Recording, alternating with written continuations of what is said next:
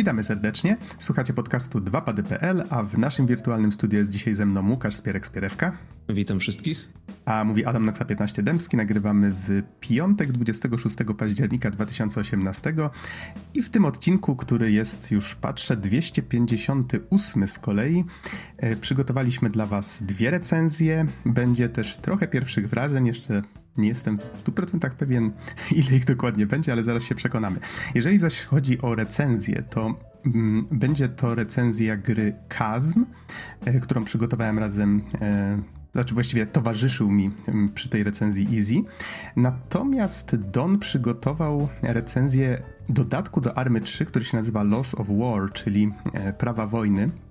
Jest to o tyle mm, ciekawy dodatek. Myślę, że on wzbogaca ten symulator działań wojennych jeszcze o jakby taką perspektywę, co się stanie, co, co się właściwie dzieje, gdy już kurz opadnie i właśnie jakie są konsekwencje tych działań wojennych, więc muszę przyznać, bardzo fajny pomysł łączący właśnie takie edukacyjne podejście trochę e, z też takim fabularnym które ma zainteresować gracza, więc myślę, że warto sobie posłuchać, co Don ma na ten temat do powiedzenia. Zresztą mam wrażenie, że umieścimy tę grę też na naszej okładce.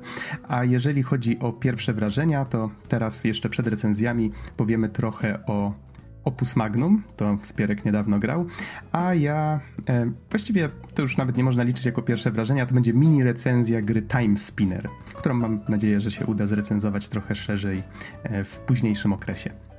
No i jeszcze nim zaczniemy, y, dzisiaj właściwie jest premiera Red Dead Redemption 2, które no, jest bardzo głośną premierą, chyba wszyscy w tej chwili jarają się tą grą. Nie udało nam się jeszcze niestety w nią zagrać, tak niestety nam się terminy zgrały, ale na pewno jeszcze będziemy o niej mówić. Już z tego co mi wiadomo, Surfer chyba zaczyna grać, ale niestety się pochorował, więc nie mógł z nami teraz nagrywać.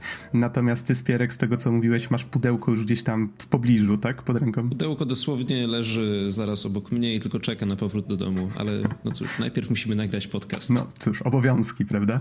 E, nie przedłużajmy więc. E, powiedz mi, Opus Magnum, tak? Co to jest właściwie? Mhm. Opus Magnum to jest wydana w zeszłym roku w grudniu gra logiczna autorstwa Zachtronics, tak się nazywa studio, które jest de facto, znaczy w dużej mierze jest prowadzone przez jednego kolesia, który się nazywa Zach, Zach Barf i specjalizuje się w bardzo specyficznych grach logicznych, które w dużej mierze oparte są na programowaniu, w sensie jakby opakowują koncept, koncepty typowo programistyczne w trochę bardziej zrozumiałe e, ramy, nazwijmy to. Znaczy, część jego gier jest de facto straight up programowaniem. W sensie mamy na przykład e, TIS 100, która jest grą, która polega na tym, że dostajemy starodawny mikrokontroler, mikroprocesor i musimy programować na niego instrukcje w języku ale assemblerowym. No to to jest takie no, tu jakby nie ma czego owijać bawełnę, to jest po prostu programowanie. Natomiast Opus Magnum to jest gra, która jest też de facto programujemy instrukcje, czy, czy kolejkujemy instrukcje,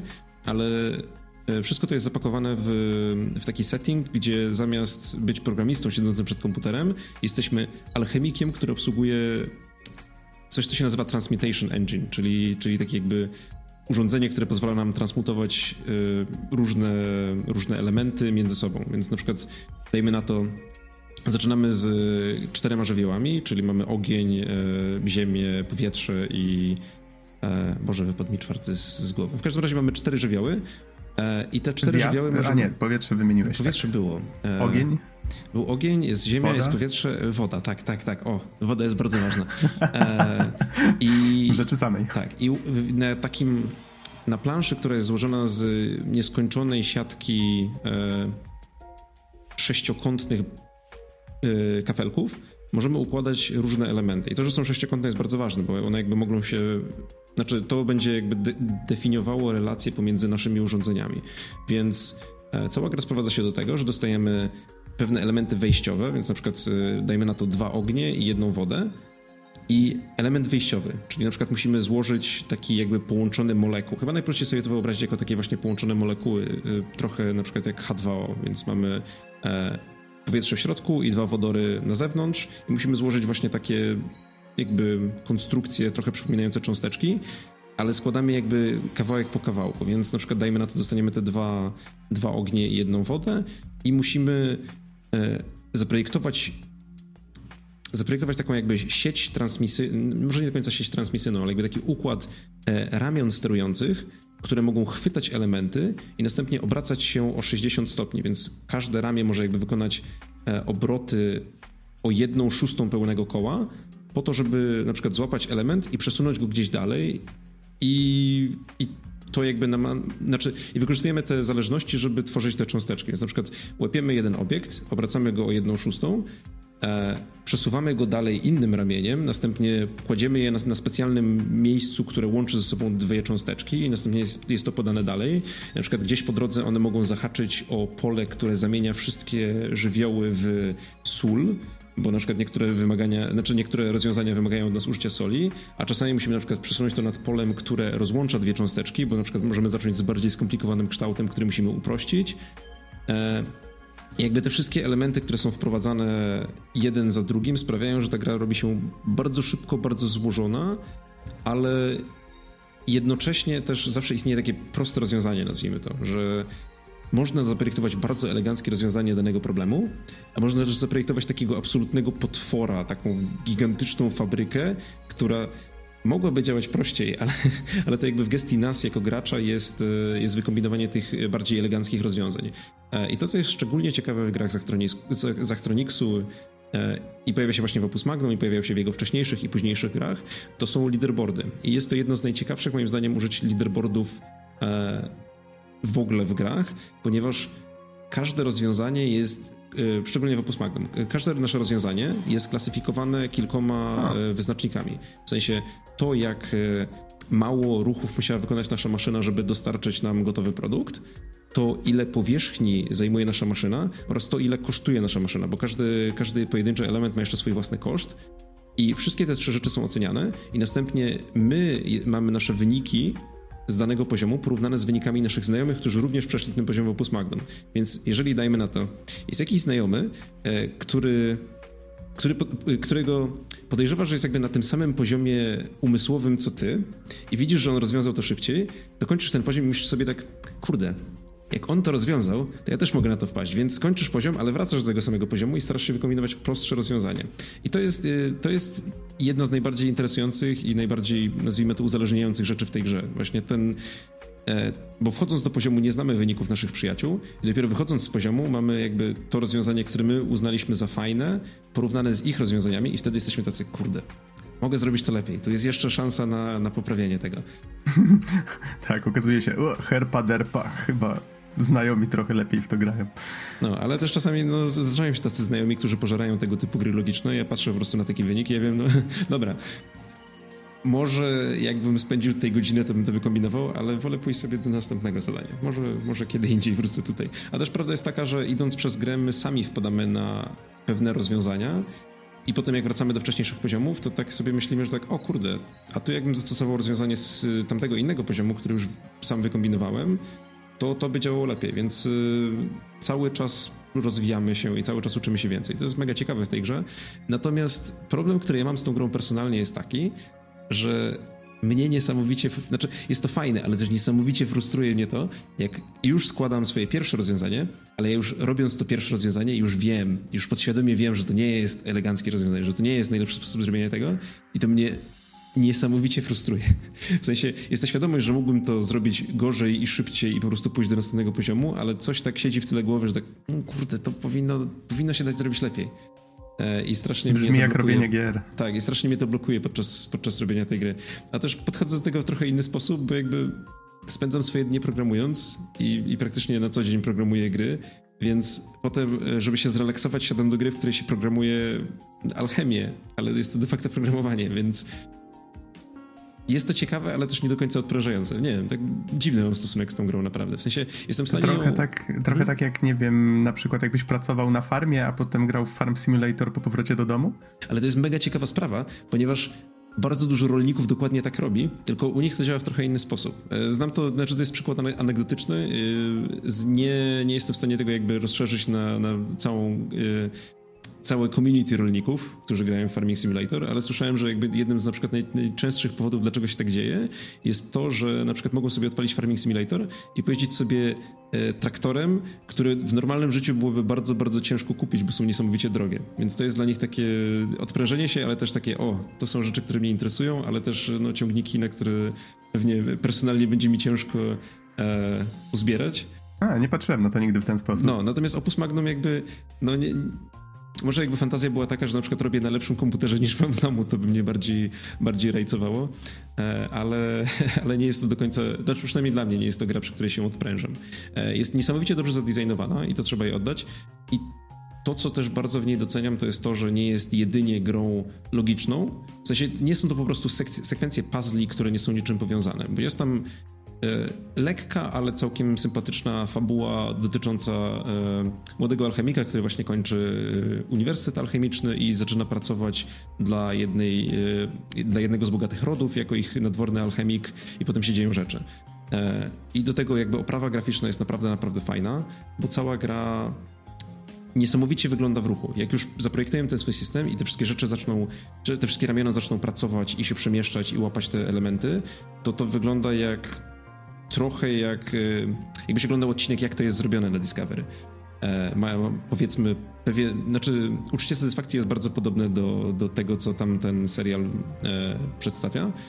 E, I na domiar tego ze swojego rozwiązania można bardzo łatwo z gry wyprodukować GIFa. W sensie jest po prostu opcja, zamień moje rozwiązanie na GIF, który możesz bardzo łatwo wrzucić po prostu do internetu i pochwalić się znajomym swoim rozwiązaniem. I, i przeglądałem właśnie rozwiązanie niektórych osób, już jakby po poziomach, które sam skończyłem. I raz, że wygląda to bardzo fajnie, a dwa, że też jakby jest to taki dodatkowy bragging point. Mhm. E, to powiedz mi, czy właściwie powinniśmy to traktować jako pierwsze wrażenia, czy to już bardziej taka mini recenzja, czy jest tam jakiś koniec tej fabuły? E, myślałem o tym właśnie jako o pierwszych wrażeniach, ale wyszła z tego mini recenzja. Ja personalnie doszedłem gdzieś do połowy gry. Gra jest podzielona na pięć rozdziałów, ja jestem w połowie trzeciego. E, one się też robią trudniejsze, więc zakładam, że jakby czasowo kolejne poziomy mogą zająć dłużej, e, ale dodatkowo gra ma wsparcie Steam Workshop, więc ma de facto nieograniczoną ilość kontentu. I jeszcze po skończeniu tych pięciu rozdziałów jest coś takiego jak Alchemic Journal bodajże, znaczy na pewno jakiś tam dziennik. I ten dziennik to są ekstra trudne poziomy, zrobione chyba we współpracy z community, albo jakieś takie resztki, które zostały i nie dopasowały się do fabuły. E, więc gry tam zdecydowanie jest trochę. E, mi przejście tej połowy gry zajęło około 5 godzin, więc zakładam, że story się pewnie da skończyć tak w 10, może 15. E, zależy oczywiście, jak ktoś szybko przechodzi przez zagadki, jak bardzo zależy mu na tym, żeby usprawnić swoje rozwiązania, natomiast jakby tego kontentu jest tam więcej, więc zdecydowanie jest to, jeżeli ktoś szuka wymagającej gry logicznej, to jest to bardzo, bardzo dobry typ moim zdaniem. Tylko też musicie jakby sprawdzić na własnej skórze, czy ten typ zagadek wam odpowiada. Mhm, to takie szybkie pytanie jeszcze, powiedz mi, czy ta fabuła, ona faktycznie jest jakaś taka, że są dialogi, czy to bardziej taka ozdoba? Nie, nie, nie, są, są, są dialogi, w sensie są postaci, są dialogi, przed każdym, przed każdym jakby problemem alchemicznym mamy krótkie wprowadzenie, które jakby ustawia kontekst tego problemu, że dajmy na to ktoś na dworze ma problem z e, łysiną i prosi nas o to, żebyśmy zrobili mu e, tonik na, na usprawnienie włosów. I po tym mamy zagadkę i rozwiązujemy tę zagadkę i po zagadce mamy też krótki dialog, który jakby tłumaczy nam, co się tam z tym stało dalej. Hmm, Okej. Okay. To mm, skoro już jest to taka bardziej mini recenzja, to dla porządku dodam, przypomnę nazwę, to jest Opus Magnum. E, natomiast można w tę grę zagrać na PC-tach, wliczając w to Windowsa, Linuxa, Mac OS-a. I widzę, że gra miała premierę 8 grudnia 2017. Czyli nie jest nie jest wcale ja taka stara. Strasznie żałuję, że tak, nie jest aż taka stara, ale strasznie żałuję, bo jakby od tego czasu też Zachtronics wydał swoją kolejną grę, która się nazywa Exapunks. E, strasznie żałuję, że Opus Magnum nie trafiło na iOS-a i po tym, że wydali już swoją kolejną grę, nie jestem pewien, czy trafi, bo moim zdaniem na tablety byłoby to naprawdę świetna gra. Mhm. No dobrze, powiedz mi, czy chcesz jeszcze opowiedzieć o jakiejś grze, czy już raczej nie? Wydaje mi się, że się trochę rozwinąłem o tym, więc zachowam e, swoją amunicję na kolejne wstępy. Okej, okay. dobrze. Um, jeżeli zaś chodzi o moje pierwsze wrażenia, czy tak jak już wspomniałem, również mini recenzje, ponieważ grę, o której teraz powiem, już skończyłem. Gra nazywa się Time Spinner i z tego co widzę na Steamie wyszła 25 września tego roku i jest to gra która, no nie oszukujmy się, jest Metroidvenią. Przepraszam, że ostatnio tyle mówię o platformówkach, Metroidveniach i innych tego typu. O niektórych jeszcze będę mówił, bo już nagraliśmy recenzję, ale pojawią się w przyszłych odcinkach, ale po prostu w tym roku wychodzi tyle gier tego typu, na które to czekałem. To absurdalne, jakby wszystkie, zupełnie jakby przez ostatnie 3-4 lata wszystkie Metroidvania chowały się po kątach i tylko po prostu wszystkie pełzły naraz. Mamy Hollow Knighty, mamy Time Spinnery, e, w przyszłym roku będzie Bloodstained, miejmy nadzieję. Tak, tak.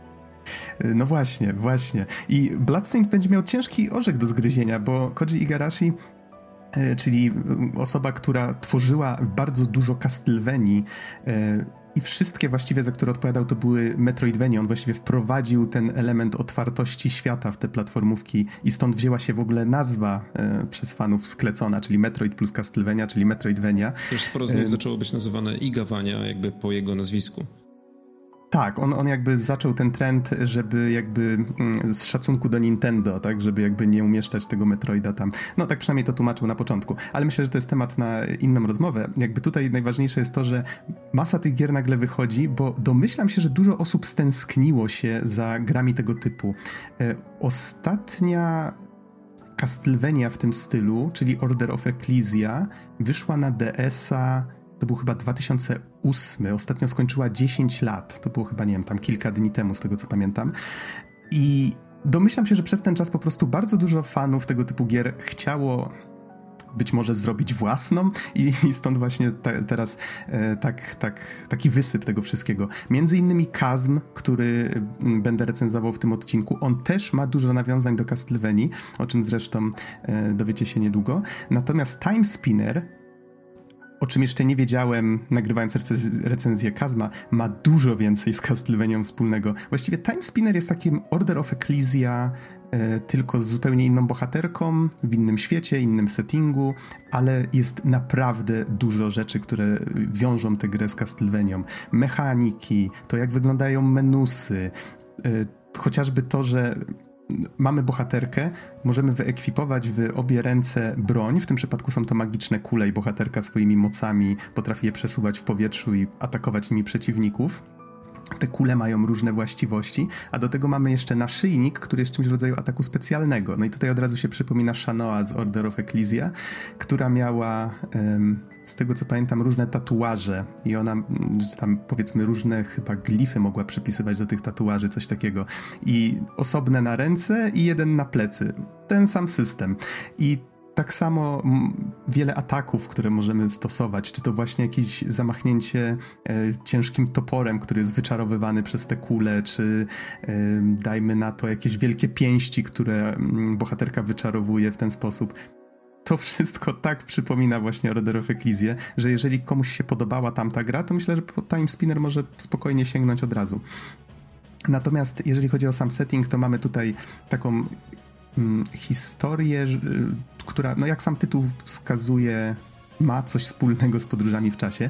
Mianowicie bohaterka należy do grupy, która jakoś tam się specyficznie nazywa, niemniej przypomina to troszeczkę właśnie cyganów, mają jakieś powozy, przemieszczają się z miejsca na miejsce, ale mają dostęp do czegoś, co się nazywa właśnie ten tytułowy time spinner i wykorzystują to, żeby jak ktoś ich zaatakuje, żeby jedna osoba specjalnie przećwiczona do tego, która e, tam nazywała się bodajże Time Messenger, żeby ona mogła wskoczyć w tę maszynę, przenieść się w czasie odrobinę wcześniej, ostrzec wszystkich, że hej, słuchajcie, przeciwnicy nadciągają, zaraz nas wszystkich zniszczą i zabiją. I w ten sposób wszyscy zostają uratowani. Hura! I ten proces się tak powtarza i powtarza i powtarza. Y, no i nasza bohaterka też jest ćwiczona jako ten, ten Time Messenger, tylko że w jej przypadku coś idzie trochę inaczej. Można wręcz powiedzieć, że wszystko się kończy bardzo, bardzo źle. Bohaterka trafia, nawet nie wiadomo czy w przeszłość, czy w przyszłość. Maszyna zostaje prawdopodobnie zniszczona. No i Cóż, naszym zadaniem jest zorientować się, e, gdzie właściwie trafiliśmy, spróbować poradzić sobie jakoś w tej sytuacji, no i uratować rodzinę i przyjaciół, tak. I no i tak jak wspomniałem, gra jest typową Metroidvanią, bardzo nawiązującą do Order of Ecclesia, z masą właśnie mechanik i podobnych rzeczy, które tę grę przypominają. Fabularnie miałem cichą nadzieję po takim dość efektownym wstępie, że będzie to coś na wzór ikonoklastów, którzy też wyszli w tym roku. była to Metroidvania bardzo nastawiona na, na fabułę, właściwie była to tam główna atrakcja. Myślałem, że tutaj będzie podobnie. Niestety akurat fabuła w Time Spinnerze nie jest tak dobra. Mam wrażenie, że ma sporo jakichś takich dziur, jak to w historiach o podróżach w czasie, e, sporo dziur i właściwie też um, dużo wyczułem takiego zmarnowanego potencjału, czyli powiedzmy pojawiają się jakieś postacie, które później w ogóle nie wracają, ale albo na przykład ktoś pod koniec się pojawia, kogo nie było zupełnie wcześniej i jakby tak czuć, że trochę jest takie nieskładne. Zakończenie trochę mnie rozczarowało. Potem całe szczęście drążyłem głębiej, nauczony doświadczeniem i y, okazało się, że podobnie jak wiele znanych gier z tego gatunku da się tutaj odblokować poprzez eksplorację e, kolejne e, rzeczy i doprowadzić do zupełnie innego zakończenia i tam to jest już dużo, dużo ciekawsze. Niemniej miałem takie troszeczkę mieszane odczucia. Z jednej strony spędziłem z tą grą kilkanaście godzin i się bardzo dobrze bawiłem, a z drugiej właśnie czułem, że trochę ten potencjał został niewykorzystany. Zwłaszcza, że graficznie ta gra jest właściwie w, ogóle i grafika, i muzyka w tej grze są bardzo fajne. Mm, muzyka wpada w ucho, grafika jest takim ładnym pixel artem, który bardzo stylistyką przypomina mi Chrono Trigger, czyli kolejną grę z podróżami w czasie. I być może dlatego zbudowałem sobie od razu takie oczekiwania, że okej, okay, to, to tak bardzo przypomina wymieszanie Castlevanii z Chrono Triggerem, super, czyli będzie masa podróżowania między różnymi epokami i tak dalej.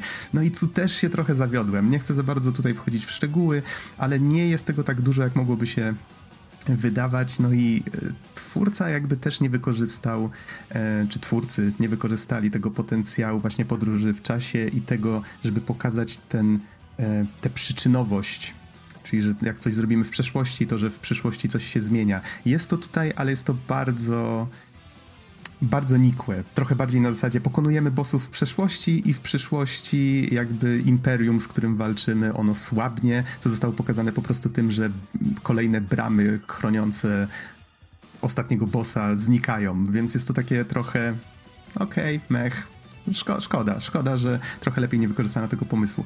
Czy masz, Spierek, jakieś pytania, czy może lecimy dalej? Nie, znaczy właśnie najbardziej zastanawiało mnie to, jak, e, jak wplatają ten motyw podróży w czasie, w czasie z samą mechaniką, ale zakładam, że odpowiedziałeś mi właśnie tym, że przenosisz się, żeby pokonywać bossów w przeszłości i to ci jakby odblokowuje możliwości w przyszłości, co też... A to może troszeczkę, mhm. to może odrobinę rozwinę ten temat, mianowicie e, zostało to zrobione w ten sposób, że zwiedzamy krainę, i zwiedzamy jej przeszłość i przyszłość, e, znaczy teraźniejszość, więc mamy jakby e, to samo, ale możemy obserwować, jak się zmieniło. Czyli cały I czas jakby skaczemy między jednym i drugim i widzimy tak, efekty naszych tak. działań.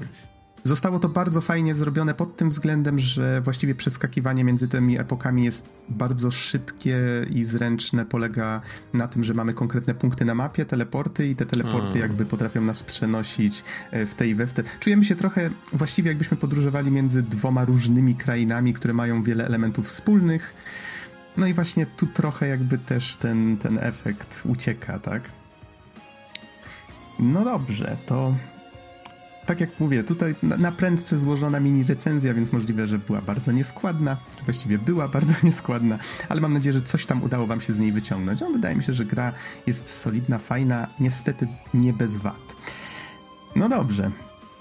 W takim razie wydaje mi się, że nie ma już co dłużej siedzieć w pierwszych wrażeniach, mini recenzjach i tym podobnych. Przejdźmy do głównego głównych materiałów w tym odcinku, czyli przypomnę, przygotowaliśmy dla Was dwie recenzje i będzie to recenzja Kazm, które poniekąd właśnie z Time Spinnerem ma sporo wspólnego, za chwilę się o tym dowiecie. I będzie to recenzja Arma 3 Loss of War.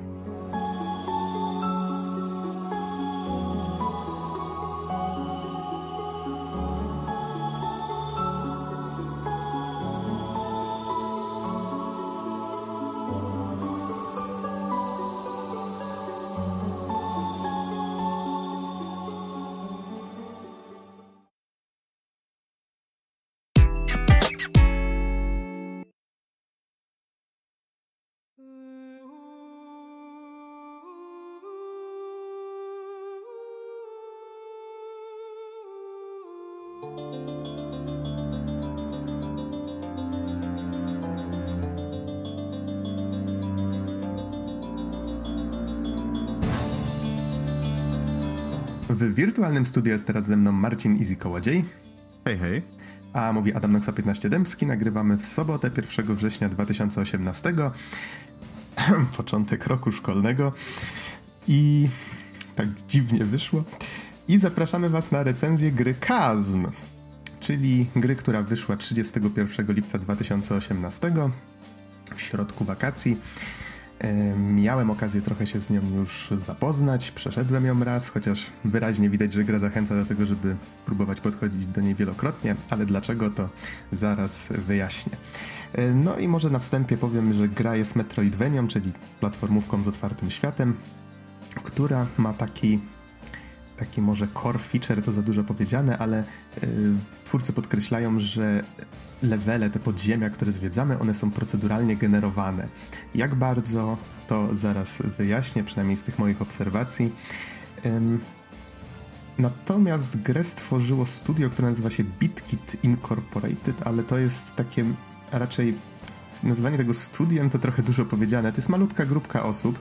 E, z, z, tego co widziałem z informacji prasowych, to dwie osoby są prawdopodobnie w samym studio, czyli James Petruzzi i Tim Dodd. Natomiast jeszcze kilka osób było wymienionych z zewnątrz. E, osoba, która zajmowała się dźwiękami, prawdopodobnie też muzyką, e, marketingiem i tak dalej i tym podobne, czy właśnie dodatkowe, dodatkowi animatorzy. Pracę rozpoczęto latem 2012, czyli bardzo dawno temu i ja pamiętam tę grę jeszcze z czasu, kiedy albo właśnie w tamtym okresie, albo już w momencie, kiedy wystartował Kickstarter, który udało się e, sfinansować w, z tego co widzę w maju 2013 i od tamtej pory twórcy już pracowali nad tą grą full time. E, czyli czekaliśmy na nią 5 lat.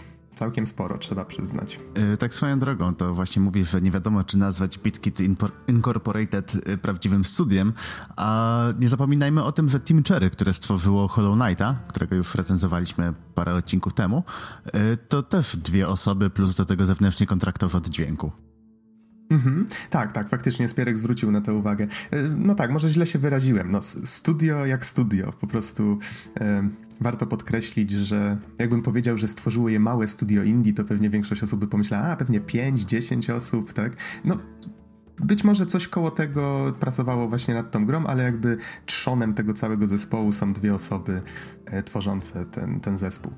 E, no dobrze. To może najpierw powiedzmy, o co właściwie chodzi w fabule gry. Trochę ją opisałem już w przypadku pierwszych wrażeń. Więc może tak pokrótce tylko przypomnę, że właściwie jest to taka prosta historia walki dobra ze złem, światła z ciemnością. I zaczyna się tak, że jesteśmy rekrutem miejscowego rycerstwa w jakiejś krainie fantazy i zostajemy wysłani na misję. Mianowicie jakaś wioska górnicza dość ważna dla królestwa, bo jest to kluczowa kopalnia, tak, miejscowa wysyła prośbę do tego rycerstwa, żeby się zjawili na miejscu, no bo znaleziono jakiegoś potwora w tej kopalni, ludzie już nie chcą tam pracować. No, innymi słowy, jak to mówi nas, nasz dowódca, prawdopodobnie wioskowi przestraszyli się jakiegoś rannego wilka, więc tak jak poprzednim razem, więc to wysyła po prostu jednego rekruta, nie przejmując się, że to jest coś poważnego. No i tak trafiamy do wioski, która jest właściwie zupełnie pusta. E, orientujemy się, że szukując jakby wszystkie miejsca, jest tam tawerna, jest tam e, właśnie zablokowane wejście do kopalni, jest tam jakiś niewielki domek, chatka i, i masa innych powiedzmy rzeczy dookoła i orientujemy się, że właściwie w tych domach spotykamy tylko burmistrza, który nam mówi, że reszta wioskowych została porwana przez potwory, które wylazły z kopalni, daje nam klucz do tej kopalni, no i prosi nas oczywiście, żebyśmy tych ludzi uratowali. No i tak się zaczyna nasza przygoda. E, takie przybycie do pustego miasta, gdzie jest tylko jedna postać, tak jakoś trochę mi się kojarzy znowu z Hollow Knightem. Faktycznie, masz rację, ale domyślam się, że to jest coś, co mo czego można by się dopatrzyć w wielu grach. To jest raczej taki e, albo, nie wiem, teraz pierwsza rzecz, która mi przyszła na myśl, to jest chociażby Bastion, tak? E, co prawda inny typ gry, ale tam też mamy taki motyw, że mamy wioskę, którą rozbudowujemy e, wraz z postępami w grze i możemy tam potem zyskiwać poprzez nowe budynki dostęp do jakichś czy to nowych sklepów, czy e, nowych umiejętności. Tutaj jest podobnie, czyli schodzimy do tych głębokich podziemi, które musimy zwiedzić I znajdując tych wioskowych zamkniętych w klatkach w różnych miejscach tych podziemi, odblokowujemy w tej wiosce, do której ciągle wracamy. To jest taki nasz e, hub, do, w którym możemy się wyleczyć, możemy właśnie, jak już ci wioskowi się tam pojawiają, e, u jednej osoby domyślam się, że jakiejś cyganki e, kupić czary. U kowala, którego uratujemy, możemy na przykład kupić zbroję, jakiś nowy miecz albo. Mm, też znajdujemy takie przedmioty jak na przykład sztaby y, metali i możemy u niego je wymienić y, na nowe pancerze. No, w ten sposób to tam nazwano craftingiem, ale to trochę za dużo powiedziane u na przykład innej postaci, która e, sprzedaje sztaby i sprzedaje minerały, choć nie ma ich zbyt wiele, możemy też takie właśnie przedmioty sprzedawać, jeżeli brakuje nam gotówki. Za gotówkę możemy u jeszcze innej postaci na przykład kupować mikstury, więc to się wszystko tak fajnie napędza. Te postacie dają nam e, Questy poboczne to trochę za, też za dużo powiedziane. To jest tak, że każda z tych postaci ma jakiś taki wątek. E, one mówią nam na przykład, że e, o, ja tworzę mikstury, ale z chęcią tak naprawdę uczę się tego dopiero. Tam, powiedzmy, jeżeli znajdziesz jakąkolwiek receptę, to nie, nie receptę, tylko przepis, tak? Po polsku. E, jeżeli znajdziesz jakąkolwiek, jakikolwiek przepis na nową miksturę, to przynieś to do mnie i wtedy ja to dodam do sklepu. No i w ten sposób na przykład ta postać ten sklepik swój rozwija. Albo jest jeden koleś, który strasznie lubi grać w karty, prowadzi takie małe kasyno w tawernie i on, jeżeli tylko go znajdziemy, to daje nam dostęp do jednorękiego bandyty, którym możemy się tam bawić, jeżeli znajdziemy żetony, ale na przykład w trakcie gry, jeżeli znajdziemy jego zestaw kart, to potem możemy taką grą w pamięć wygrywać u niego te żetony, więc właściwie zyskujemy taki łatwy dostęp do gotówki. Możemy sobie wtedy po prostu nabijać e, kiesę, grając w taką minigierkę, czy właściwie dwie minigierki. E, tego typu rzeczy. E, wiesz co, w ogóle tak tak ten, tak mówi, że właśnie odblokowujemy kolejne możliwości, coś tam ten, cały czas y, przynosimy nowe rzeczy do miasta i y, do tego jeszcze jak dorzucimy właśnie generowanie proceduralne pod ziemi, to brzmi strasznie jak roguelite. Hmm. Wiesz, może trochę, znaczy da się grać w tę grę jak w roguelite'a, czy roguelike'a może za dużo powiedziane, a roguelite'a może tak. E, to znaczy jest tu tryb, który się nazywa Mortal, śmiertelnik i jeżeli go wybierzemy, to wtedy, nawet jeżeli stworzymy sobie kilka kopii tego samego save'a, bo można kopiować save'y, to dzisiaj to sprawdziłem, e, że jeżeli zginie się na jednej z tych kopii, na Mortalu, to wtedy wszystkie te kopie mają taki wielki stempel dead już wtedy nie możesz e, odpalić tego save'a. Więc tak, jeżeli ktoś chce, może tak w to grać. Gra ma do wyboru trzy poziomy trudności, easy, normal, hard i do tego jeszcze w statystykach można zobaczyć, że jest nightmare, prawdopodobnie, który się odblokowuje po przejściu harda. Ja grałem na normalu, i no, skoro już miałem o tym wspomnieć trochę później, ale skoro już o tym mówimy, yy, nie zginąłem na normalu ani razu. Nawet przesłałem Iziemu przed recenzją screeny na dowód, żeby nie było. I może, żeby tak uspokoić, to nie znaczy, że gra jest prosta. Wydaje mi się, że jest dla wielu osób może się okazać bardzo trudna, tylko że czułem się w sumie trochę jak w domu grając w tę grę, bo ona bardzo ma dużo podobieństw z Castlevaniami, a konkretniej z Symphony of the Night i pozostałymi, nad którymi pracował Koji Igarashi bo właściwie to, to, jest o tyle ciekawe, że pamiętam, że jak mówiliśmy o pierwszych wrażeniach, to ty Easy wspomniałeś, że albo na pierwszych wrażeniach, albo już po nagrywaniu, że ci się ta gra bardzo kojarzy z Castlevanią.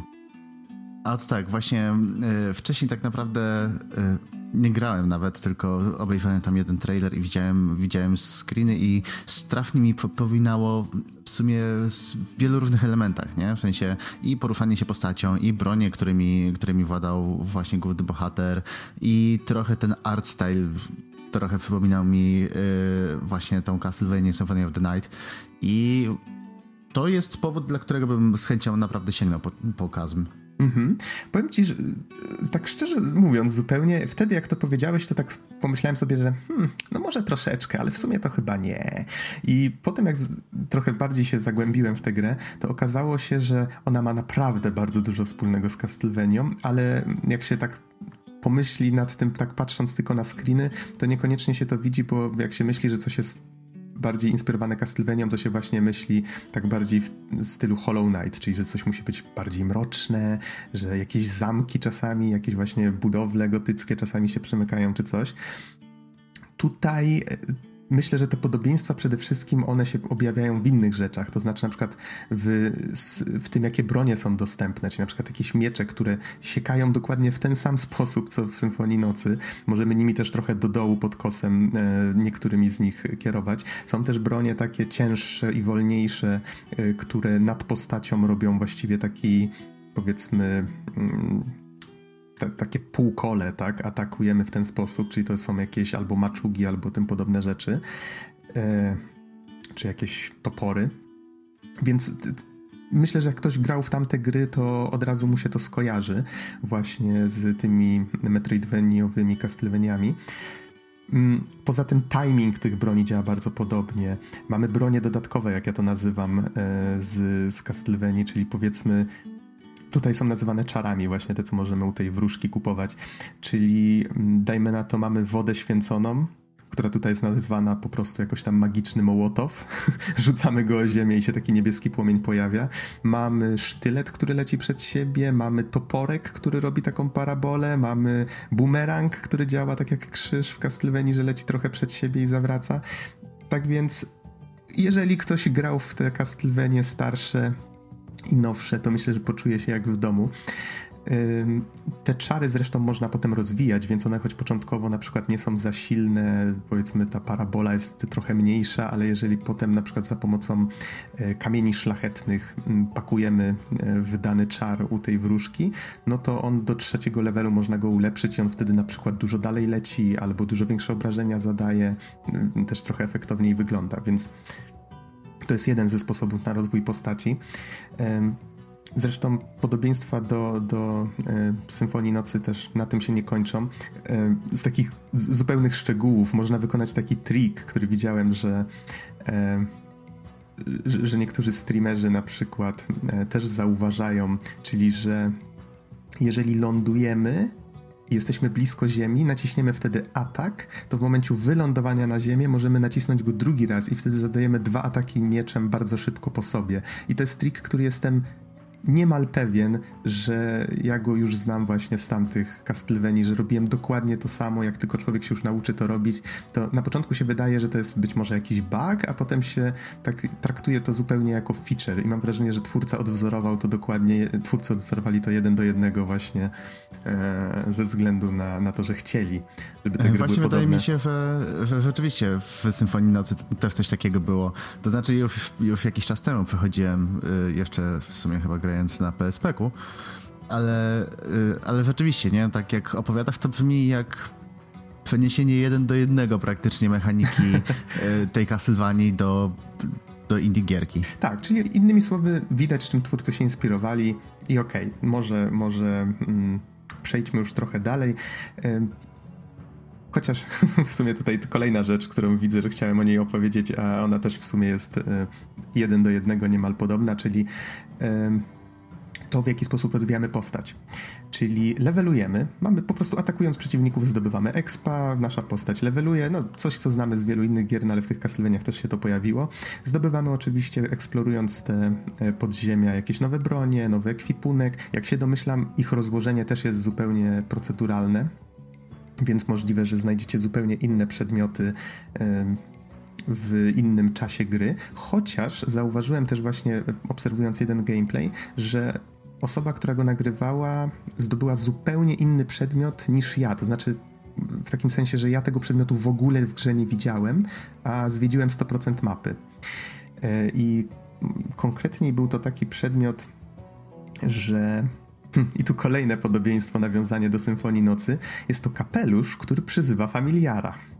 W Symfonii Nocy były karty, dzięki którym można było na przykład przyzwać wróżkę, można było przyzwać latający miecz i one tam levelowały same, atakowały. I tutaj w pewnym momencie zdobyłem kapelutek, który właśnie przyzwał miecz i w opisie tego kapelutka było napisane, że to jest level pierwszy, czyli domyślam się, że im dłużej bym z tym familiarem łaził, to on by levelował, stawał się coraz silniejszy, czyli tak samo jak w Symfonii Nocy. I ta osoba, której gameplay później oglądałem, zdobyła na przykład nie miecz, tylko tylko jakiegoś takiego ptaszka małego kolibra czy coś w tym stylu, który latał za nią. Więc e, ja tego zupełnie nie widziałem, więc być może jest więcej kontentu w tej grze, który jest mm, w ten sposób dobierany i być może właśnie gra będzie wyglądała inaczej dla różnych osób. Mm, chociaż skoro już przy tym jesteśmy, w jaki sposób ta proceduralność właściwie działa? Tak właśnie nie mogę tego powiedzieć z całą pewnością naturalnie, ale z, z, takich obserwacji właśnie po mapach różnych osób, właśnie po to zacząłem patrzeć po tych streamach, wnioskuję, że kluczowe miejsca są zawsze te same, czyli powiedzmy jakieś teleporty, jakieś save pointy w postaci takich świętych statuł, przy których bohater się modli. One są zawsze w tym samym miejscu, Natomiast reszta jest poukładana z pokoi. Z tego co wynika z informacji prasowej, te pokoje były tworzone ręcznie, wszystkie, tylko że gra dobiera właśnie po ich rozmiarze, jakie powiedzmy, że a tutaj kilka dłuższych pokoi, no to w takim razie rozlosuje sobie między nimi, jak one powinny wyglądać. I mam wrażenie, że raczej różnice są kosmetyczne. Czyli dlatego właśnie mówiłem, że nie jestem pewien, czy powinno się mówić o tej proceduralności jako takim głównym featureze, bo te podziemia nie różnią się aż tak mocno. One będą trochę inne, będziecie mieli powiedzmy inne przeszkody, inne pułapki, platformy, y, tego typu rzeczy, ale jakby kształt tych podziemi będzie podobny i, i może to i lepiej, bo wtedy twórcy zapewnili właśnie, że tempo tej gry, flow y, tego, co znajdujemy kiedy jest um, podobny za każdym razem i chyba o to chodziło tutaj przede wszystkim.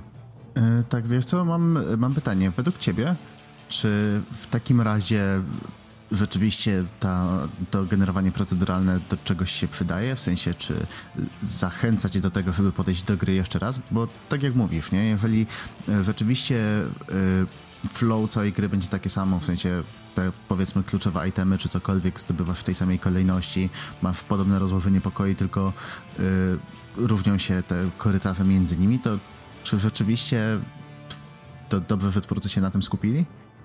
To jest trudne pytanie. To znaczy, ja i tak nie planowałem grać w grę ponownie, chociaż domyślam się, że będą osoby, które się skuszą, chociażby dla tych poziomów trudności.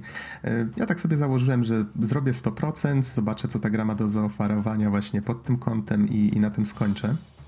Więc być może ta recenzja nie jest zbyt pełna przez to, no ale, no ale trudno.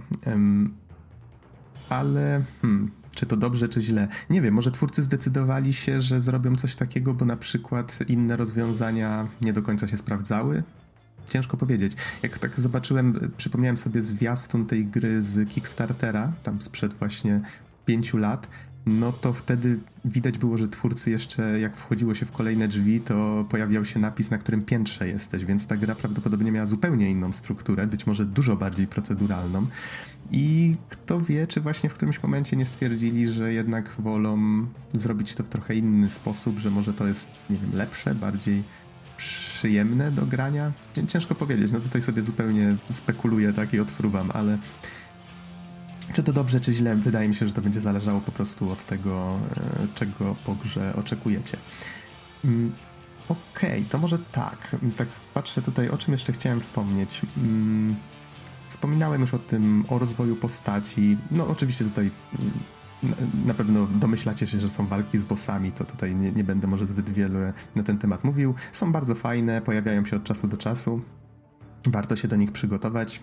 Mm, zresztą przed wejściem do pokoju z bossem widzimy z reguły takie ostrzeżenie, że, że coś niebezpiecznego tam na nas czeka, więc jest na to szansa.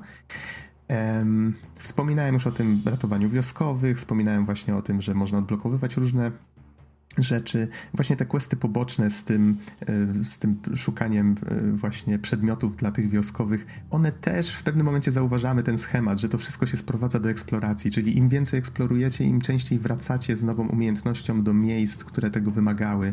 E, te umiejętności one nie są jakoś szczególnie wyszukane. Jedna z nich na przykład pozwala nam chwytać się gzymsów, mm, jeszcze inna powiedzmy nurkować, więc to jest tak, że jeżeli zapamiętujemy miejsca, w których możemy je, e, ich użyć, to potem powiedzmy wracamy się i z reguły niestety to jest tak, że e, te miejsca, do których nie dotarliśmy, to z reguły jest jeden pokoik, dwa pokoiki, rzadziej coś więcej i tam są powiedzmy ukryte te przedmioty questowe albo, albo sami wioskowi.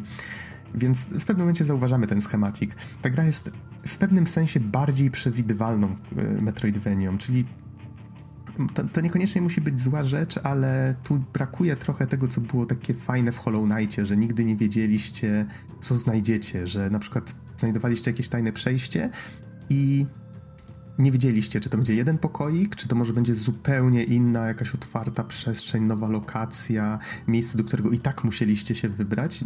To zawsze była zagadka. Tutaj tak nie do końca jest. Tutaj właściwie gra ukrywa przed nami głównie te rzeczy, które później nam ułatwiają. E, czyli właśnie te kolejne przedmioty questowe, czy inne tego typu. E, Okej, okay. co tu jeszcze takiego można by powiedzieć? E, mamy oczywiście bestiariusz, co jest zabawne, jest wizualnie dość podobny do Castlevania Area of Sorrow, więc tutaj kolejne podobieństwo. Um, co jeszcze? A, nie wspomniałem właśnie, że w tych proceduralnie generowanych levelach zawsze jak tworzymy sobie save'a, to dostajemy seed, czyli taki ciąg znaków, który służy nam do e, służy nam do tego, żeby jeżeli chcemy, żeby ktoś grał w dokładnie tę samą grę, co my mamy, to możemy mu przesłać ten ciąg znaków, on go sobie wpisze i wtedy gramy dokładnie w to samo, tak samo rozłożone przedmioty i lokacje.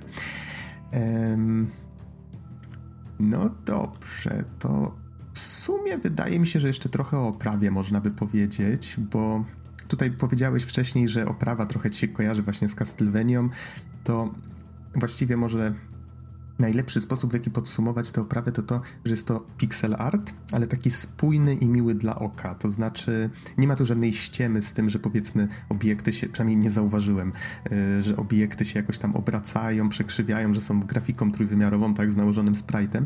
Twórcy starali się, żeby to był taki czysty pixel art, nawet pochwalili się, że yy, natywna rozdzielczość to jest 384 na 216. Pokusiłem się dzisiaj, żeby sprawdzić i faktycznie po wklejeniu screena Full HD i przeskalowaniu wszystko wygląda nadal pięknie, ślicznie i co do piksela się zgadza. E, więc to jest tak, to jest coś, czym faktycznie można się pochwalić, bo dzisiaj pixel art już rozumie się w różny sposób, tak i w grach się różnie pojawia w różnej formie. E, chociażby w tym Dev's Gambit mam wrażenie, że to jest taki dobry przykład, że niektórzy przeciwnicy mają wielką rękę zrobioną z właśnie niby z pixel artowej tekstury, a jak ją przekrzywiają, no to wiadomo, ten pixel art też się przekrzywia, powstają takie ząbki dziwne w różnych miejscach. Tutaj nie ma czegoś takiego. Czyli tutaj jest taki czysty pixel art, tak jakby... Pixelartowy e, pixel art. tak, taki ze starych konsol jeszcze bez tego, bez, bez trybu e, tego, Mode 7 to się nazywało, nie? E, było coś takiego, tak, faktycznie z takim przekrzywionym. E, tak, może od razu powiem o co mi chodzi. Mode 7 to był tak naprawdę specjalny tryb wyświetlania grafiki na SNESie, który pozwalał na wszelkie takie transformacje sprite'ów, w sensie właśnie obroty, skalowanie, inne takie. Dzięki temu mamy prześwietny e, level z, z obracającymi się ścianami w Super Castlevania 4. Dzięki temu mamy mapy świata, w, e, choćby, nie wiem, e, choćby w Terranigmie i, i tak dalej. Polecam ogólnie poczytać o tym, bo to jest fajny kawałek historii. To chyba na SNESie się zaczęło, nie? Tak, tak, właśnie, tak jak mówię, SNES i to był na kartridżach z grom był osobny moduł, który się, który się tym zajmował, w sensie osobny układ scalony. Mm -hmm. No, a jeżeli chodzi o muzykę, no to też jest taka bardzo fajnie oldschoolowa, bardzo wpada w ucho każdy, każda część tych podziemi, bo nie wspomniałem o tym, ale oczywiście jak schodzimy w głąb, to tam z tych kopalni przechodzimy, dajmy na to, do jakiejś dżungli czy innych tego typu miejsc. Nie jest ich wiele, więc nie będę ich wymieniał, ale każdy z nich ma mm, swój własny motyw muzyczny, e, szatę graficzną i tak dalej, więc jest to całkiem spoko. Przy czym, no właśnie, to nadal wszystko sprowadza się do tego, że jest to dość przewidywalne i ta fabuła nie jest jakaś taka wyróżniająca się, ani ten świat nie jest taki niezwykły jak w Hollow Knightie, czyli zwiedzamy niektóre miejsca i tak wow, twórcy popisali się wyobraźnią, jest super, tak? Mm, można powiedzieć, że Kazm jest trochę klisze pod tym względem. To, czy to komuś będzie przeszkadzać, czy nie, wydaje mi się, że to jest już tylko kwestia gustu. Natomiast a propos fabuły, mamy tutaj też trochę narracji prowadzonej, trochę backstory, które odkrywamy, znajdując jakieś kartki. Jest tu jedna postać, która razem z nami eksploruje te ruiny, czyli pojawia się w niektórych pomieszczeniach, taki doktorek, tak? Profesor bada ściany i e, hieroglify, czy, czy inne tam zapiski i, i mówi nam, co znalazł. Więc teoretycznie jest tu jakaś fabuła, która nas napędza i chcemy dowiedzieć się, co jest na końcu, ale raczej nie oczekujcie po tym e, niczego takiego zaskakującego. Jest to takie solidne uzupełnienie całości. I to, co mi się akurat podoba w tym, jak ta gra jest skonstruowana, to to, że ona nie wymaga olbrzymiego skupienia ani orientacji w terenie, tak jak chociażby Lamulana, o której opowiadałem już jakiś czas temu. Yy, więc sprawia to, że bardzo przyjemnie się do tej gry wraca. Czasami wręcz łapałem się na tym, że tak myślałem sobie, że ach, w sumie to zmęczony jestem, zagrałbym sobie teraz w Kazma, tak? Odpalałem go sobie i tak w sumie sunę sobie po, z pokoju do pokoju, pokonuję te stworki. Jest takie raczej przyjemnie rozluźniające. Oczywiście, jeżeli już um, uda wam się w tej walce na tyle dobrze radzić, żeby e, nie ginąć co chwila, bo domyślam się, że gra nie będzie taka prosta dla niektórych osób, które nie mają wprawy na przykład w tego typu grach. no i już zmierzając do podsumowania, całość zajęła mi przejście na 100% mapy i to tak dosłownie moment, w którym wszedłem do ostatniego bossa, to był moment, w którym dostałem e, achievement na Steamie za, za zdobycie 100% mapy. E, zajęło mi to 10,5 godziny. Wykonałem też wszystkie questy dla, dla postaci, więc można powiedzieć, że stwierdziłem, że ok, to jest ten moment, kiedy już gra właściwie jest praktycznie skończona. Właściwie Wydaje mi się, że jeżeli nie będziecie lizać ścian tak jak ja, bo są tu oczywiście różne znajdźki też poukrywane w ten sposób, to prawdopodobnie skończycie tę grę dużo, dużo szybciej. E, wspomniałem już o tym, że jest kilka poziomów trudności, więc możecie dostosować sobie to doświadczenie tak jak chcecie. I chyba z takich rad jeszcze wydaje mi się, że warto grać na padzie. To znaczy, możecie grać na klawiaturze, ale wydaje mi się, że granie na padzie ze względu na to, jak są rozłożone klawisze ataku, skoku i właśnie tej broni dodatkowej, dużo łatwiej się to robi prawym kciukiem niż lewą ręką na Z, X, C na klawiaturze. Mm, więc to, to, to jest jedna z takich rzeczy. Mm, ten typ gry, który faktycznie myślę jest prostszy, jak gra się w ten sposób. Eee. No i właśnie nie wspomniałem chyba tutaj jeszcze o tym, że można sobie wybrać klasę postaci, jak się zaczyna grę. Przy czym nie jestem pewien, czy to ma jakiekolwiek znaczenie. Gra tam teoretycznie trochę inaczej rozkłada nam wtedy statystyki i chyba z każdym levelem trochę inaczej je rozmieszcza. Czyli powiedzmy, jesteśmy bardziej magiem, albo trochę bardziej idziemy w obrażenia. Czyli albo trochę bardziej idziemy w obrażenia tymi broniami dodatkowymi, albo trochę bardziej tymi zwykłymi. Tam jeszcze był chyba złodziej do wyboru. Nie jestem pewien, co ta postać, chyba szczęście, czyli że co wypada z przeciwników i jak często, albo czy zadajemy ataki e, krytyczne tego typu rzeczy. No, jeżeli ktoś chce, myślę, że może w to grać jak, jak w takiego roguelite'a. Ym, czy masz Easy jeszcze jakieś może pytania? To znaczy, mam jedno takie już zasadnicze, powiedzmy, że kończące pytanie, tak naprawdę. Nox, komu byś polecił Kazm, The Castlevania of Indie Games? Okej. Okay. No, przede wszystkim fanom Castlevanii, y, ludziom, którzy może szukają Metroidvanii, która jest taka lekka i przyjemna, chociaż wydaje mi się, że Hollow Knight, chociaż jest też trochę takim rzuceniem się na głęboką wodę, to mimo wszystko jest dość przystępny, więc tutaj, no to zależy. Te dwie gry są bardzo różne, więc możecie wypróbować obie, zobaczycie w ten sposób właśnie, co wam bardziej pasuje, tak? Ale myślę, że to, co jest najważniejsze, to to, że to jest gra zrobiona z sercem, nie jest niczym wybitnym, nie ma właśnie wyróżniających się ani fabuły, ani pomysłów na gameplay, ale jest to taka warsztatowa perełka, tak? Wszystko tutaj jest doszlifowane, zrobione y, bardzo dokładnie, z dbałością o detale, czy to w oprawie, czy w mechanice. I chyba to, co najważniejsze, jest niezwykle grywalna i wciągająca.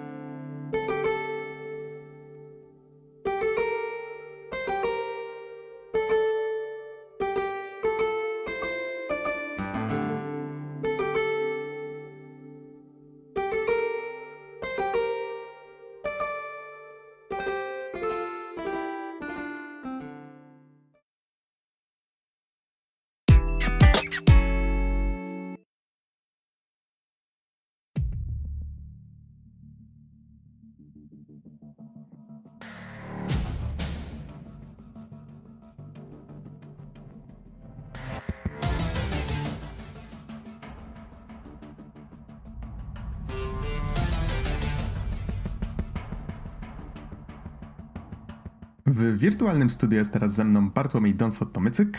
Halo, halo. A mówi Adam Noxa 15 Dębski. Nagrywamy w niedzielę 30 września 2018 i Don będzie relacjonował teraz e, działania wojenne z Army 3 Laws of War, czyli z dodatku, tak? Do Army 3. E, tak, będę dzisiaj recenzował dodatek do Army 3 właśnie o tytule Laws of War, czyli prawa wojny. I mam nadzieję, że po prostu będziemy posługiwać się tytułem polskojęzycznym, żeby po prostu nie, kaleczyć angielszczyzny.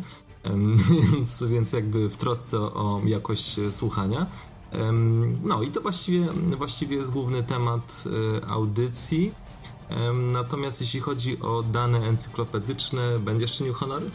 E, Okej, okay. to tak samo jak, może najpierw przypomnę bazową grę, e, stworzyło i wydało Bohemia Interactive. E, można w nią zagrać tylko na PC i powstała już dość dawno, czyli we wrześniu 2013, w sensie została wydana. Natomiast dodatek, o którym będziesz teraz mówił, wyszedł nie tak dawno, bo we wrześniu 2017, czyli raptem rok temu. I nie jestem pewien, czy jeszcze o czymś powinienem wspomnieć, czy to są chyba wystarczające informacje. To by było na tyle, natomiast e, ja mam do ciebie e, takie pytanie otwierające. Właściwie, co pamiętasz o Armię 3 albo w ogóle o serii w ogóle? w ogóle o serii mm -hmm. w ogóle, no tak, no tak. Mm -hmm. To znaczy, to co chyba najważniejsze w, armię i tutaj właśnie z twoich poprzednich recenzji, co pamiętam i, i, i, z tego, co tam sam się wcześniej dowiedziałem, bo niestety sam nigdy w żadną armię nie grałem, ale pamiętam, że najważniejsze w tym było takie realistyczne przedstawienie działań wojennych. Gracze na przykład tworzą, yy, znaczy są kampanie singleplayerowe, ale gracze potrafią też w multiplayerowych scenariuszach tworzyć jednostki, w których odgrywają role i na przykład część z nich pełni rolę dowódców, inni żołnierzy na polu bitwy starają się wczuwać yy, w te konkretne role, komunikować się tak, jakby faktycznie tam byli. No, wydaje mi się to takie dość specyficzne i ciekawe, wyróżniające tę grę poś spośród tych takich bardziej fantastycznych strzelanek, tak? Mhm. Znaczy, tak, masz całkowitą rację. Jest to jakby szeroko rozumiana symulacja wojenna, w której e, no, mamy przedstawiony pewien obraz operacji wojskowych, konfliktów zbrojnych itd. Natomiast e, jeszcze chciałbym zwrócić uwagę na, na, jeszcze jedną dosyć ważną rzecz. Otóż e, bardzo często w tych kampaniach e, singleplayerowych uwzględniony jest też szerszy kontekst no, tej prowadzonej wojny. No, w konflikt często zaangażowanych jest wiele frakcji, więcej niż dwie. No i to na przykład są siły NATO, powiedzmy siły rządowe danego kraju, potem jeszcze partyzantka i tak dalej, i tak dalej. I oprócz siły wojskowej, militarnej, ważna jest też legitymizacja polityczna do tego, no, czyli na przykład powiedzmy dana frakcja, żeby przez opinię międzynarodową nie być postrzegana jako po prostu terroryści, no to wypadałoby, żeby jakoś właśnie legitymizowali swoje działania. Jakby, żeby to wszystko się odbywało powiedzmy tam zgodnie z prawem. E, dodatkowo dochodzą też takie problemy jak cywile, no wspomniana opinia międzynarodowa, czy też zbrodnie wojenne, e, no w Armii 2 akurat były dosyć mocno e, poruszone. Czyli słowem nie tylko strzelanie, ale też no wpycha się przez te drzwi, nawet z butem, wielka polityka. To jest no, do, dosyć unikalne spojrzenie na, na całą tę sprawę. Zwłaszcza jeżeli się patrzy na to, że takie najbardziej popularne militarne strzelanki to znaczy nie chcę tutaj mówić, że Arma jest strzelanką, tak jak powiedziałeś, jest bardziej symulatorem, tak? Ale te bardziej popularne gry, czy tam Call of Duty, czy e, Medal of Honor, one zawsze pokazywały bardziej to takie mm, hollywoodzkie spojrzenie na, konflikt. Mhm, tak, a tutaj mamy raczej z próbą bardziej realistycznego ujęcia. E, natomiast jeszcze Słowo przypomnienia odnośnie samej army numer 3. E, otóż e, w, właśnie w trzeciej części army jest przedstawiona Republika Altis i Stratis w roku 2034 i 2035. To jest takie małe śródziemnomorskie, wyspiarskie państewko, niestety, niestety targane różnego rodzaju wojnami, niepokojami. I to właściwie by było na tyle. Do szczegółów odsyłam, odsyłam poszczegóły odsyłam do recenzji podstawki, która na, jakby w, w ramach naszego podcastu się odbyła na odcinku 234.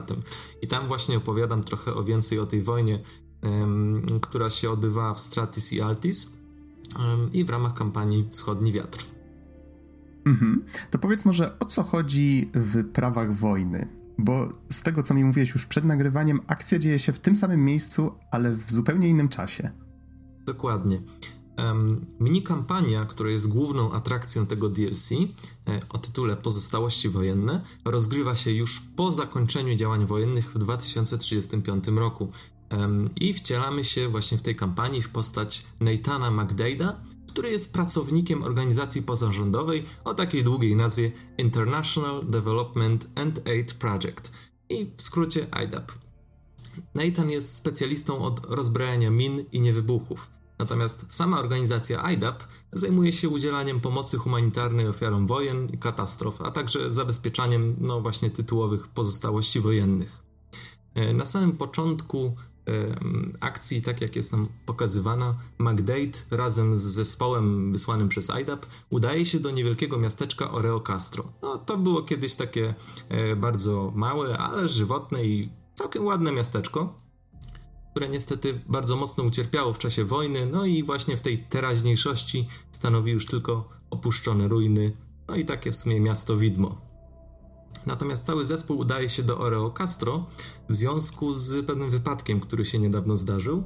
E, no, niedawno z perspektywy bohaterów. Otóż, no, e, jedna osoba, jakaś postronna cywil, zapuścił się nie tam, gdzie trzeba. E, no i mina przeciwpiechotna zrobiła to, co, to, co miny zazwyczaj robią. Więc, więc, więc w związku z tym IDAP zainteresował się znów miasteczkiem Oreo Castro. Natomiast y, cała akcja kampanii, można powiedzieć, że to jest jakby taki jeden dzień z pracy Neitana, e, który jest właśnie tym specjalistą do spraw niewybuchów i min. I jego zadaniem jest, najkrócej to ujmując, zabezpieczenie terenu całego Oreo Castro, no, praca techniczna, no mówiąc krótko, żeby ten teren jakoś e, rozbroić. Natomiast oczywiście nie jesteśmy w trakcie tej pracy pozostawieni sami swoim myślom, to byłoby może trochę za dużo przez komunikator e, online mamy kontakt, jako Nathan, mamy kontakt z dziennikarką śledczą z telewizji AAN. No co prawda CNN wypowiadałoby się, wypowiadałoby się wygodniej, ale AAN to jest taka stacja, która w uniwersum Army od czasu do czasu się pojawia. E, no i właśnie ta dziennikarka, Catherine Bishop, um, rozmawia z Nathanem na różne tematy. I to jest takie trochę nawiązanie do formuły, e, w której, no to jest znana formuła, na przykład dziennikarz spędza powiedzmy jeden dzień z e, nie wiem, tam e, z żołnierzami gdzieś na froncie, gdzieś w jakimś miasteczku dotkniętym kataklizmem i po prostu jakby poznaje sytuację na miejscu po to, żeby ją potem zrelacjonować, tak. Więc tutaj mamy do czynienia z tą formułą, tyle że akurat zamiast Katrin e, zamiast być gdzieś tam obok Nathana, to po prostu jest dostępna przez e, przez komunikator online i po prostu cały czas rozmawiają. Bardzo fajnie w zwiastunie, który mi podesłałeś przed podcastem, właśnie też można to zobaczyć, że ta, ta forma reportażu też pokazuje, e, jaka będzie tematyka gry, więc myślę, że zamieścimy ten materiał na pewno pod recenzją, prawda? Mhm, tak, zdecydowanie.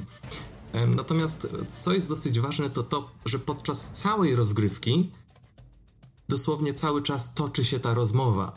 Um, czyli na przykład Katrin pyta e, Nathana o jego pracę, o rolę IDAP, um, jakby o działania IDAP w okolicy, o wojnę itd., tak itd. I to jest fajne, bo, bo często to, to, co dzieje się podczas tej rozmowy, jest fajnie połączone z tym, co się dzieje faktycznie na miejscu. Czyli na przykład powiedzmy, Nathan mówi: Słuchaj, wiesz co, e, za chwilę będziemy rozmawiać dalej, tylko zaraz zrobi się głośno, tak? I powiedzmy tam bohaterowie doprowadzają, zespół doprowadza do eksplozji tam iluś min. Jak, jak huk minie, Nathan mówi: Dobra, możemy rozmawiać dalej. Więc to jest naprawdę bardzo fajnie wszystko połączone. Um, Natomiast wielokrotnie podczas tej rozmowy poruszany jest też temat praw wojennych e, czy problemów organizacji humanitarnych, z którymi właśnie te organizacje się zmagają zarówno e, w trakcie wojny, jak już e, po zakończeniu działań zbrojnych. No i tutaj myślę, że nie warto spoilować niczego, natomiast myślę, że mogę się posłużyć jednym przykładem, który będzie dosyć wymowny. Otóż w pewnym momencie Nathan stwierdza, że miny mają nogi. No i to jest trochę taki przykład wisielczego humoru e, McDade'a. E, natomiast e, dlaczego on to mówi? Otóż e, tłumaczy Katrin, na czym to polega, bo e, wiecie, jak to jest, że um, no, w przypadku jakiegoś działania wojennego często właśnie zaminowywane są konkretne obszary, prawda? No ale, no ale w końcu wojna się kończy, prawda? No i trzeba się zabrać do usunięcia tych min. Przy czym bardzo często zdarza się tak, że miny przemieszczają się i tak naprawdę plany i mapy, które, na których zostały zaznaczone te pola minowe, o ile w ogóle są dostępne dla takich organizacji jak IDAP, um, no to one często są nieaktualne, dlatego że ulewne deszcze, osunięcia się gruntu, trzęsienia ziemi i inne czynniki sprawiają, że po prostu miny zmieniają swoje położenie. I to jest jeden z takich ważniejszych problemów, który, e, który występuje nie tylko w rzeczywistości gry. Natomiast e, no Nathan podkreśla jeszcze jedną rzecz, no bo wiecie, rozumiecie. Um, wojna się czasem kończy, wszystko ucichnie, ale taka mina no, ona jest bardzo cierpliwa i będzie bardzo, bardzo długo czekać, aż wreszcie ktoś się znajdzie. Więc to są tego typu rozmowy i one dosyć poważnie, w dojrzały sposób podkreślają no, pewne zagadnienia, takie o których zazwyczaj się nie mówi. Natomiast co jest ważne jeszcze do podkreślenia to to, że Nathan był w Oreo Castro przed e, i nawet w trakcie działań zbrojnych i w związku z tym dużo wie, dużo słyszał, zna tubylców, zna plotki itd., tak itd. Tak Więc opowiada dziennikarce o miejscowych obyczajach, ludziach, tym podobnych rzeczach. Ale też snuje opowieści o niektórych działaniach wojennych, o których wie, o których słyszał itd. Tak I właśnie tutaj wchodzi do gry e, taki dosyć fajny element, gdyż gracz przemieszczając się po mieście czasem może aktywować misję, nazwijmy to. I te misje to jest tak naprawdę rozgrywanie opowieści wojennej, którą Nathan e, przekazuje e, dziennikarce. I właśnie w czasie takiej opowieści czy też misji wcielamy się w postaci z różnych grup, czy to cywili, partyzantów, żołnierzy.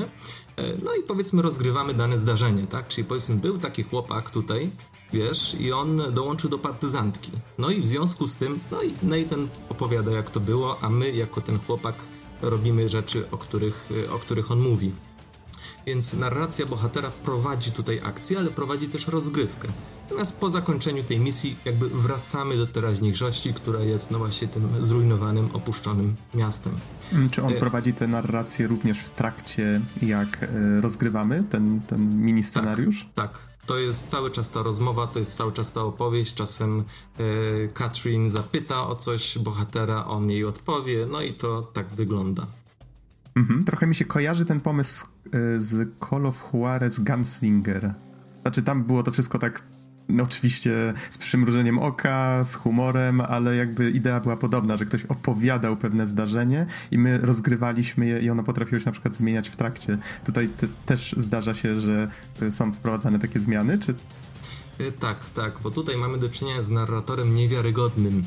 E, Nathan, no jednak jest człowiekiem, nie wie wszystkiego, nie jest wszystkiego pewnym, więc e, no, jest taki jeden fajny moment, w którym kierujemy grupą żołnierzy, którzy podobno gdzieś tam zostali wysadzeni w pobliżu.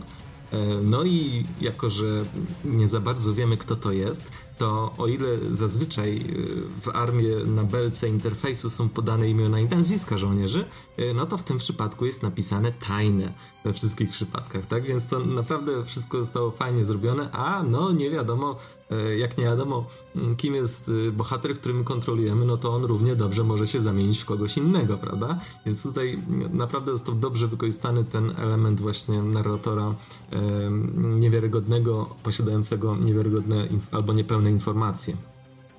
W każdym razie właśnie po zakończeniu takiej misji wracamy do tej teraźniejszości, e, natomiast mamy też jeszcze dostęp do tak zwanych wspomnień. I tutaj jakby kluczowe są pewne przedmioty, które są rozmieszczone, e, rozmieszczone e, w mieście, czyli na przykład powiedzmy jest jakiś tam zawalony, żelazny, zniszczony pojemnik na wodę, prawda, jakiś tam wolno stojący, no i powiedzmy aktywujemy wspomnienie i w, tym, w tej chwili przenosimy się do takiej bańki, w której przedstawiony jest Oreo Castro sprzed wojny. No i możemy nawet chwilę się przespacerować, ale widzimy, że powiedzmy w tym wspomnieniu ten wielki zbiornik na wodę gdzieś tam stoi i jest, prawda? A jakby w teraźniejszości już jest totalnie zniszczony. W każdym razie bańka, ta bańka wspomnienia ma jakby ograniczony zasięg i kiedy wychodzimy z niej, to jednocześnie płynnie przechodzimy do, ter do teraźniejszości. Więc y, no, bywają takie sytuacje, że na przykład wchodzimy do jakiegoś opuszczonego domu, odpalamy wspomnienie, to widzimy te wszystkie sprzęty, jak to sobie ludzie mieszkali, wychodzimy na taras, jest tam piękna, słoneczna pogoda, no ale niestety na tarasie jest koniec tej bańki i nagle to wszystko się zmienia Zamiast tego pięknego tarasu i słonecznego dnia mamy widok na ruiny. Więc to jest jakby to oczywiste przeciwstawienie e, no, tego, co było kiedyś, e, tego, co jest we wspomnieniu, tego, co już jest nieosiągalne, no właśnie e, ze smutną rzeczywistością. Twórcy często posługują się też przy tej okazji pewną ironią, czyli na przykład powiedzmy, że na asfalcie leży no, ciało zapakowane w worek, tak? I ono jest tym przedmiotem, który nas odsyła do wspomnienia. No i kiedy to zrobimy, w tym samym miejscu na drodze jest wyrysowana plansza do gry w klasy. Więc no, tego typu zabiegi też są przez twórców e, stosowane. Natomiast właśnie można powiedzieć, że w trakcie rozgrywki operujemy w dwóch rzeczywistościach: tej teraźniejszości i unaocznionej przeszłości. E, natomiast opowieść Nathana, ta rozmowa z dziennikarką, która jest cały czas prowadzona, stanowi element spinający, porządkujący całą kampanię, wszystko co e, przed nami jest pokazywane i wszystko, w czym właściwie bierzemy udział. Mhm. To powiedz mi, czy jeszcze coś chciałbyś powiedzieć na temat fabuły, czy może trochę więcej na temat jak właściwie rozgrywa się ten scenariusz, bo z tego, co mi opowiadasz, to nie, jest, to nie są działania wojenne per se, co najwyżej właśnie w formie tych takich mini scenariuszy, tak to sobie wyobrażam, tak? Więc jak właściwie gra się w e, prawa wojny? Mhm. E, otóż, no, jakby w teraźniejszości e, no przede wszystkim wykonujemy zadania, które należą do Naitana, tak? Czyli przede wszystkim e, do pierwszych rzeczy, które trzeba zrobić, to jest trzeba po prostu z wykrywaczem min. E, to jest taki jakby jeśli ktoś kojarzy Obcych, ten film, no to tam były te takie... Jak coś się ruszało, to się kropka wyświetlała, prawda? Że się tam obcy zbliżał. E, no, no to Nathan właśnie dysponuje takim wykrywaczem min, który mm, schematycznie pokazuje kierunek, e, w którym powiedzmy znajduje się mina, miejsce, w którym znajduje się mina. No i po prostu pierwszym zadaniem naszego bohatera jest przejść się po mieście, no przejście, no może to nie jest spacer, tak? E, natomiast po prostu przebyć całe miasto i wykryć, gdzie znajdują się ładunki. E, I je zaznaczyć naturalnie. To jest jakby pierwsza rzecz, którą się zajmujemy.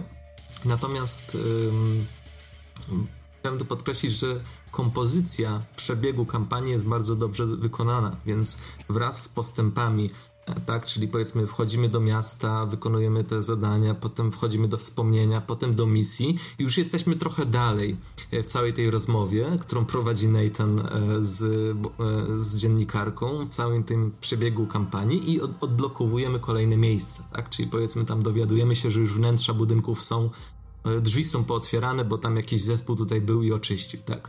Więc... Czyli dzięki temu twórcy, jak rozumiem, zadbali o to, żeby to tempo rozgrywki nie kazało nam na przykład najpierw kilka godzin wykonywać żmudną pracę rozminowywania, tylko jakoś to tak sensownie podzielili. Mhm, tak, mamy dosyć mocne poczucie postępu, E, no i oczywiście wraz z tymi postępami odblokowujemy kolejne miejsca, które były wcześniej niedostępne i też otrzymujemy wcześniej niedostępne narzędzia i możliwości, czyli tak jak na, na przykład na początku żeśmy tylko oznaczali miny, potem je rozbrajamy, e, no i dostajemy też drona i tak dalej, i tak dalej.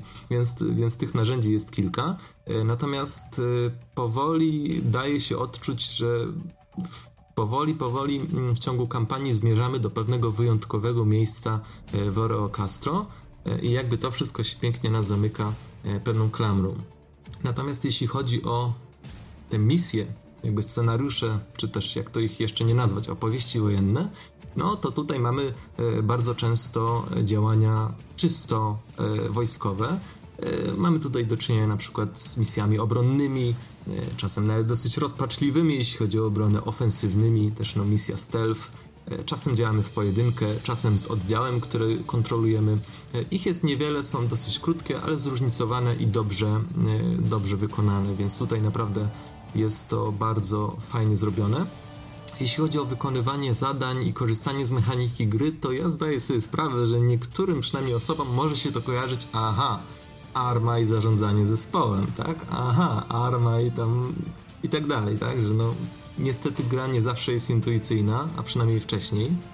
E, natomiast, e, no właśnie, jeśli chodzi o Laws of War, czy nawet podstawkę, jest wręcz przeciwnie. E, w Laws of War, kiedy tylko pojawia się jakakolwiek nowa mechanika, to wyskakuje podpowiedź, czyli na przykład jak tam chodzić, tak? Jak obsługiwać drona, jak robić coś innego.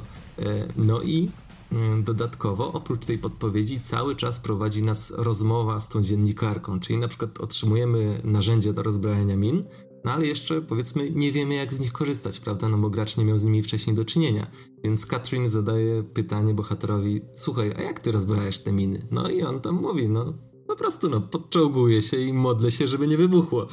No i jak już, jak już to wiemy, no to wiemy, że tak, że jedyną słuszną pozą, której należy, z której należy korzystać w przypadku min, to jest trzeba podczołgać się i wywołać interakcję, tak? To już jest jakby dosyć dosyć oczywiste, więc e, mówiąc krótko, bardzo mocny nacisk został położony na to, żeby rozgrywka była płynna i intuicyjna i żeby wszystkie dodatkowe informacje, które są potrzebne, były graczowi natychmiast podawane. W związku z tym po prostu można Um, nigdzie się nie zatrzymujemy, nie wiemy, nie ma takiej sytuacji, że nie wiemy co zrobić, tylko po prostu no, wykonujemy po prostu te wszystkie czynności e, po kolei.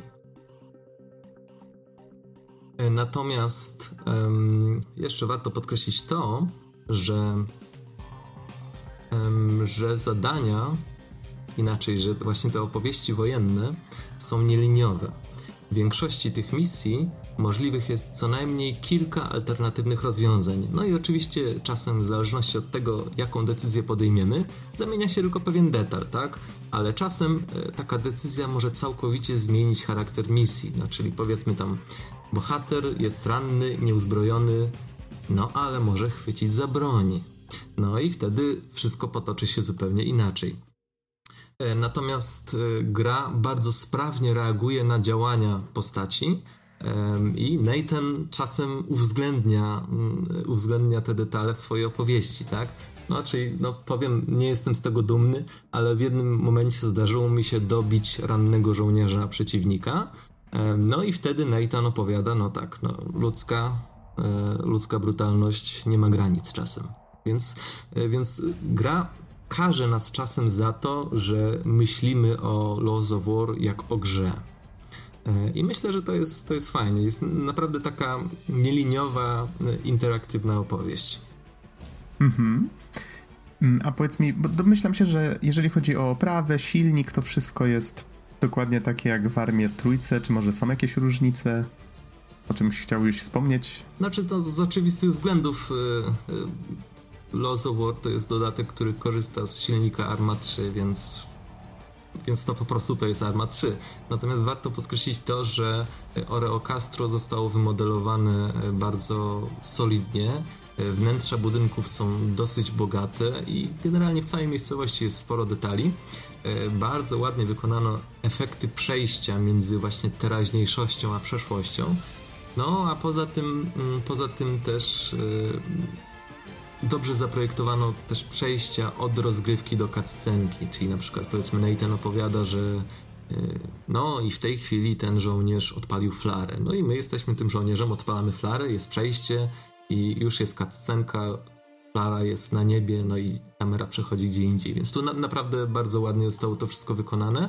E, poza tym, no, silnik graficzny Army potrafi błyszczeć momentami. Jedna taka z takich dosyć ciekawszych sytuacji, um, która została wykorzystana, to to, że um, w pełnej mgle um, wojska przypuściły atak i tylko widać było majaczące sylwetki żołnierzy i migające latarki. No to naprawdę bardzo dobrze wykonana rzecz.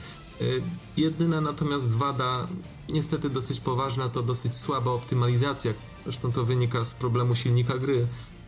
I to objawia się wyłącznie przy ładowaniu stanu gry lub ewentualnie jakichś nagłych przejściach, ale no, są dosyć intensywne, tak spowolnienia, więc no, kiedy ładowałem zapisany stan gry, a byłem w Oreo Castro, no to właśnie przez, przez y, kilka sekund musiałem poczekać, ok, niech się doładują tekstury. Um, co do, jeśli chodzi o oprawę dźwiękową i muzyczną, to e, no, utwory muzyczne oczywiście to daleko idący remix e, niektórych utworów znanych z Army. E, I co prawda jest ich niewiele i wpasowują się raczej w tło, ale mocno wytwarzają nastrój.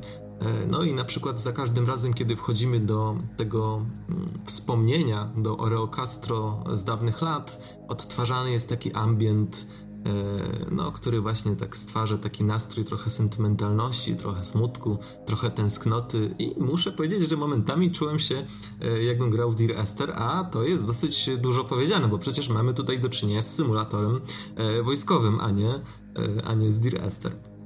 Podoba mi się to, że twórcy podeszli tutaj do sprawy w ten sposób, że niby mamy do czynienia z symulatorem działań wojennych, ale jednak przekaz tego dodatku jest e, raczej antywojenny, albo może twórcy starali się po prostu dać trochę do myślenia graczom?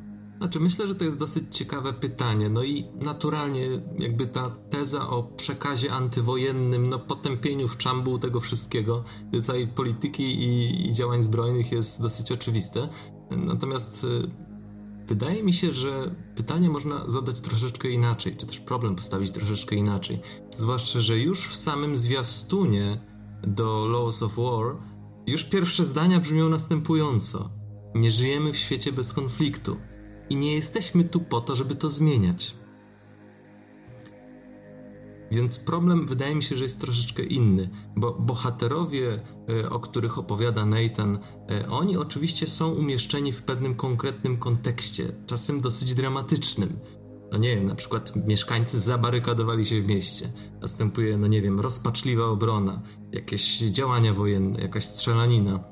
Oczywiście ten kontekst jest, no, jest dosyć brutalny w swojej rzeczywistości. Natomiast problem brzmi, czy bohaterowie mieli wybór, będąc w tym kontekście? A jeśli tak, to jaki wybór? No, jeśli spojrzymy na sprawę w ten sposób, no to otworzą się przed nami trochę e, inne, e, inne sposoby e, rozumienia całego obrazu przedstawionego e, w kampanii, zwłaszcza, że misje, które wykonujemy, są nieliniowe. Możemy dokonywać wyborów. A teraz pytanie tylko jakich? i jakie są ich konsekwencje. Mhm. To, to brzmi jak fajna okazja do zabawy narracją, żeby faktycznie poprzez interaktywność medium um, dać do myślenia w pewnych kwestiach. Powiedz mi, czy tak bazując właśnie na tym, czy warto zagrać ten dodatek, nawet jeżeli się wcześniej nie interesowało armą, nie grało w żadną część, albo nawet jeżeli strzelanki czy symulatory e, tego typu nie są naszą, e, naszym typem e, gry czy medium interaktywnego? No, to znaczy, jeśli chodzi o te strzelanki, to warto umieć naprowadzić celownik na cel, tak troszeczkę się śmiejąc. Natomiast myślę, że mm, cała Arma 3 i oczywiście Laws of War również są nastawione chyba zwłaszcza na osobę, na osoby, które nie miały do czynienia wcześniej z symulacjami, które no, nie interesowały się tematem mm, uprzednio i po prostu myślę, że one bardzo mocno otwierają się na takie osoby. No, a jeśli ktoś dodatkowo e, lubi ciekawe chwyty narracyjne i po prostu dobrze opowiedzianą historię, Myślę, że to są całkiem dobre powody do tego, żeby e, po armę numer 3 i oczywiście dodatek, który tu recenzujemy, sięgnąć. A skoro już o tym mowa, e, dodam tylko, że ukończenie całej mini kampanii e, pozostałości wojenne zajęło mi około 4,5 godziny. I myślę, że ten czas, chociaż dosyć krótki, był dobrze spędzony. Miałem do czynienia z naprawdę dopracowanym, dopracowanym produktem, dobrze opowiedzianym, dobrze podanym. No, mówiąc krótko, nie pozostaje nic innego jak polecić, zwłaszcza, e, zwłaszcza osobom, które jeszcze wahają się, czy chciałyby z armą mieć coś wspólnego.